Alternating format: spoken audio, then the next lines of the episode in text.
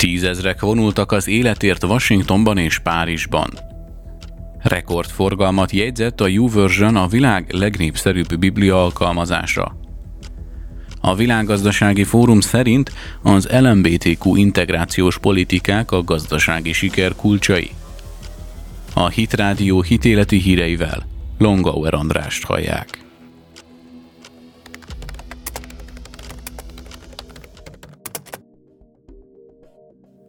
Az 50. March for Life, azaz Menet az életért tüntetést pénteken tartották Washingtonban, vasárnap pedig Párizsban került megrendezésre a felvonulás.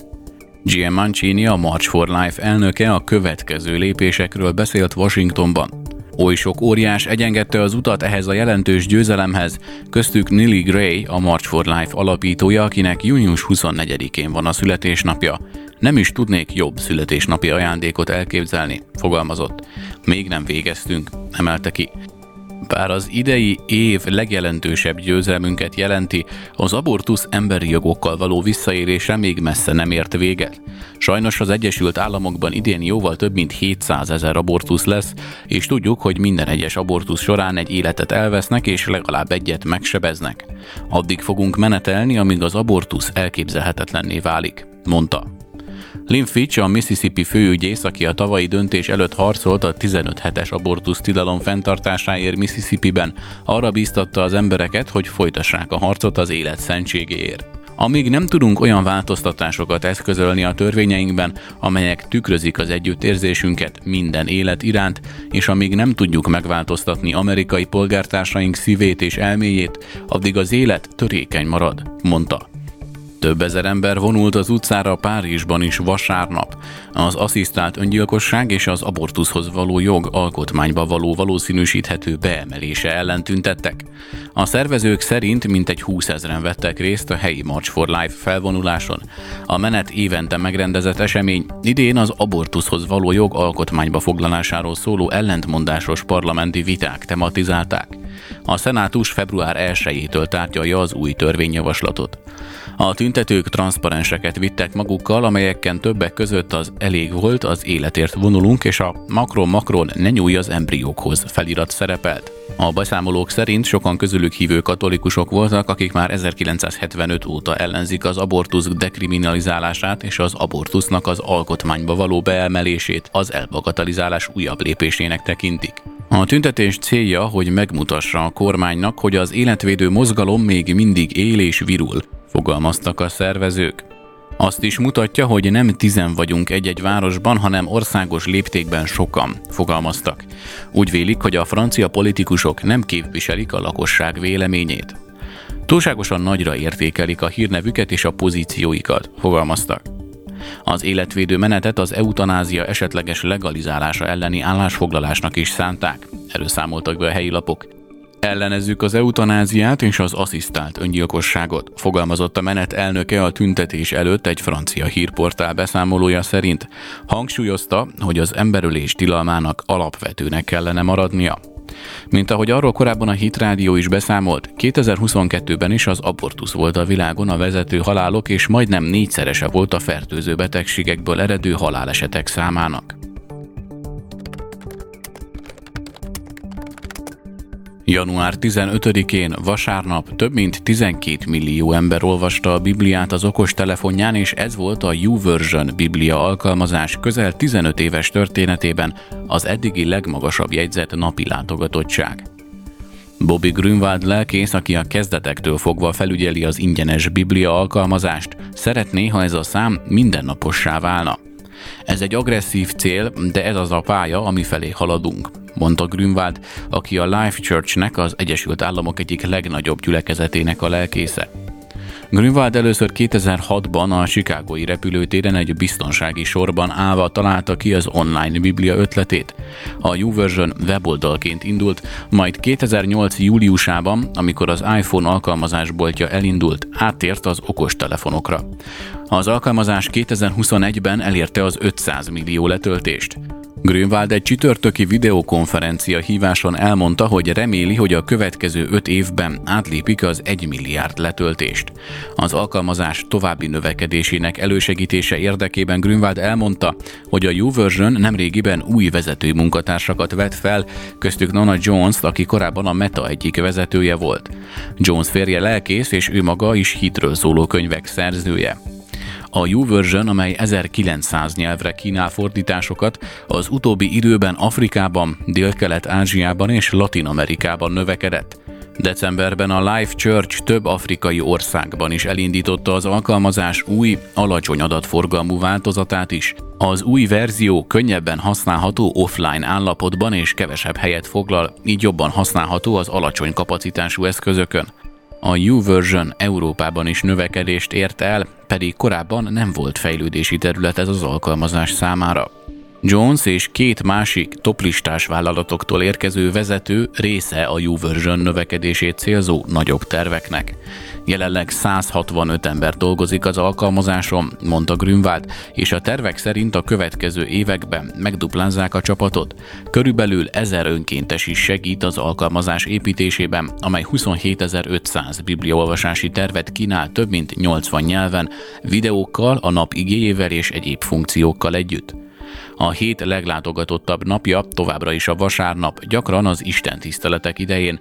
A hét elején a használat továbbra is magas, majd péntekre és szombatra lecsökken. Általában januárban van egy kiugró érték, amelyet gyakran az újévi fogadalmak táplálnak. Grünwald elmondta, hogy úgy érzi, hogy a YouVersion még csak most indul, és komoly befektetéseket tervez, hogy tovább növekedhessen.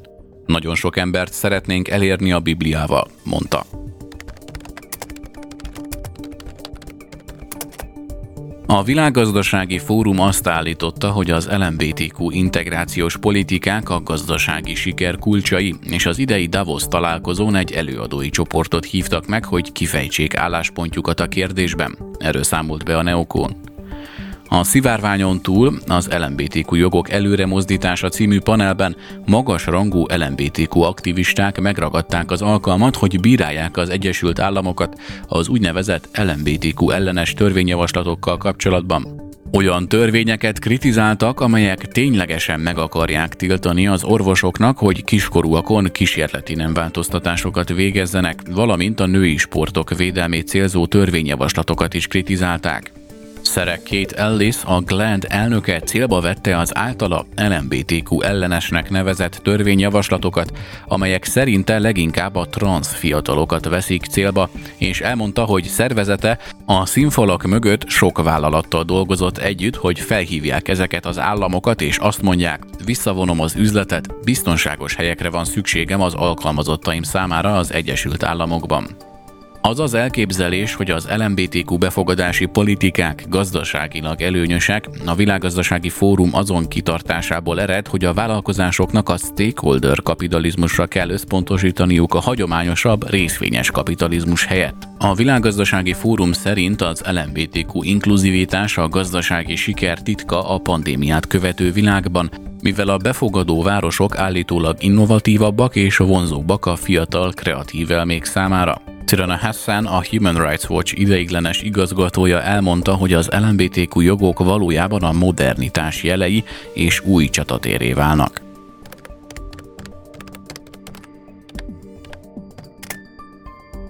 Ukrajna szankciókat vezetett be 22 az ortodox egyházzal kapcsolatban álló orosz ellen, mivel Volodymyr Zelenszky elnök szerint a vallás leple alatt népírtást támogattak.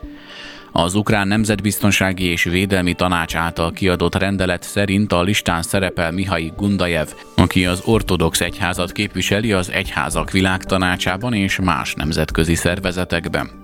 Az orosz állami média arról számol be, hogy Gundajev az orosz ortodox egyház vezetőjének, Kirill patriárkának az unokaöccse, Ukrajna pedig tavaly szankciókkal sújtotta Kirillt. A szankciók a legutóbbiak azon lépések sorában, amelyeket Ukrajna az orosz ortodox egyház ellen tett, amely támogatja Vladimir Putyin elnök ukrajnai invázióját, amely immár 12. hónapjába lépett. Szankciókat vezettek be 22 orosz állampolgárral szemben, akik a spiritualitás leple alatt támogatják a terrort és a népírtó politikát, mondta Zelenszky hétfő este tartott beszédében. A büntető intézkedésekről azt mondta, hogy azok az ország szellemi függetlenségét erősítik. Az ukránok többsége ortodox keresztény, és az egyháznak a Moszkvához történelmileg kötődő ága és a szovjet uralomtól való 1991-es függetlenné válás után kikiáltott független egyház között éles a verseny. Az ukrán kormány többször is kísérletet tett a Moszkvához kötődő ágazat ellehetetlenítésére.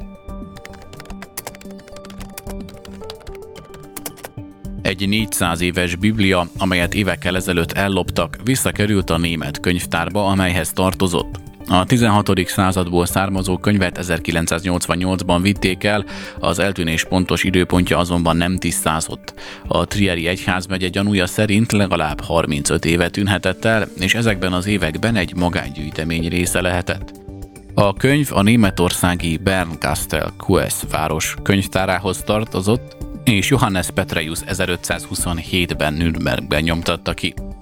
Marco Brős, a könyvtár vezetője véletlenül fedezte fel az eltűnt könyvet. Az interneten böngészett és felfedezte, hogy egy holland antikvárium árulja, mint kiderült, több tulajdonos váltás után került oda.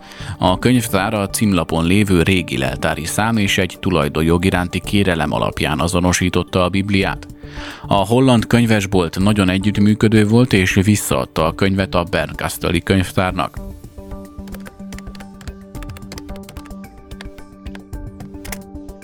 A Meta visszaengedte platformjaira az ukrán neonáci Azov ezredet. A Meta törölte az ukrán Azov ezredet, amelynek tagjai rendszeresen náci szimbólumokat és jeleket viselnek egyenruhájukon a veszélyes személyek és szervezetek listájáról. Az Oroszország és Ukrajna közötti konfliktus folytatódása miatt a Meta módosította a tartalom moderálására vonatkozó megközelítését. A neonáci ukrán katonai csoportot, az Azov rezsimentet nemrég törölték a közösségi média óriás potenciálisan káros személyek és csoportok listájáról. A módosítással az Azov rezsiment tagjai ezentúl regisztrálhatnak Facebook és Instagram fiókot, és posztolhatnak tartalmakat anélkül, hogy aggódniuk kellene, hogy azokat leveszik, ha csak nem sértik a platformok tartalmi irányelveit. Más felhasználók a módosításnak köszönhetően nyíltan dicsérhetik és támogathatják a csoport munkáját. Az Azov ezred Ukrajna egyik legképzettebb katonai egysége, és harcolt az orosz erőkkel olyan stratégiai fontosságú helyszíneken, mint az ostromlott Mariupol város és Kiev. Voltak azonban olyan aggodalmak, hogy a csoport szélsőségeseket vonz, mert kötődik a neonáci ideológiához. Az azovi erőkre részben akkor történt utalás, amikor Vladimir Putyin orosz elnök az ukrajnai invázióját az ország náci mentesítésére tett erőfeszítésként jellemezte. A Meta szerint a neonáci Azov mozgalom és az Azov ezred már nem áll kapcsolatban egymással. Megemlítik, hogy az egység hivatalosan az ukrán kormány parancsnoksága és ellenőrzése alatt áll, a Meta szerint a potenciálisan ártalmas személyek és csoportok listáján továbbra is szerepelnek az Azov mozgalom elemei, beleértve a Nemzeti Hadtestet és alapítóját Andriy Bileckit. A gyűlöletbeszéd és a gyűlölet szimbólumok az erőszakra való felhívások és minden más közösségi normáinkat sértő tartalom továbbra is tiltott, és ha ilyen tartalmat találunk, eltávolítjuk, közölte a vállalat. Ukrajna digitális átalakulásért felelős minisztere dicsérte a Facebook választását, és kiemelte Nick Clegg volt brit miniszterelnök helyettest a Facebook nemzetközi ügyekért felelős elnökét. Sokat jelent minden ukrán számára, az új szemlélet fokozatosan lép életbe, tweetelte ki. Ez nagy hozzájárulás Nick Clegg és csapata részéről a háborúról szóló igaz tartalmak megosztásához, fogalmazott. A miniszter tavaly nyáron írt Klegnek levelében arra panaszkodott, hogy egy olyan időszakban, amikor az orosz propaganda burjánzott az interneten, a meta automatizált tartalommoderációs rendszerek alkalmazásával jogtalanul akadályozta meg az ukrán média szervezeteket abban, hogy pontos információkat terjesszenek a konfliktusról. A miniszter nyomást gyakorolt az Apple-re, a Facebookra és más vállalatokra is, hogy a konfliktus korai szakaszában digitális blokádot hozzon létre Oroszországgal szemben. Minden eddiginél nagyobb, többnapos légi és tengeri közös hadgyakorlatot kezdett kedden az izraeli és az amerikai haderő, részben Izraelben. Erről számolt be a hetek. Az izraeli katonai rádió szakértője szerint a cél elsősorban Irán figyelmeztetése. A bazalt tölgyei fedő nevű hadgyakorlaton az izraeli egységek mellett 6400 amerikai katona vesz részt, többségük a George Bush repülőgép hordozón és az azt kísérő hadihajókon. 142, köztük nukleáris fegyverek hordozására is alkalmas repülőgép, több tucat tengeri cirkáló, valamint tengeralattjárók manőverezését gyakorolják, miközben a légierő az Irán elleni esetleges támadást is modellezi, délen vadászgépek bombáznak és katonák ezrei rakétateszteket végeznek.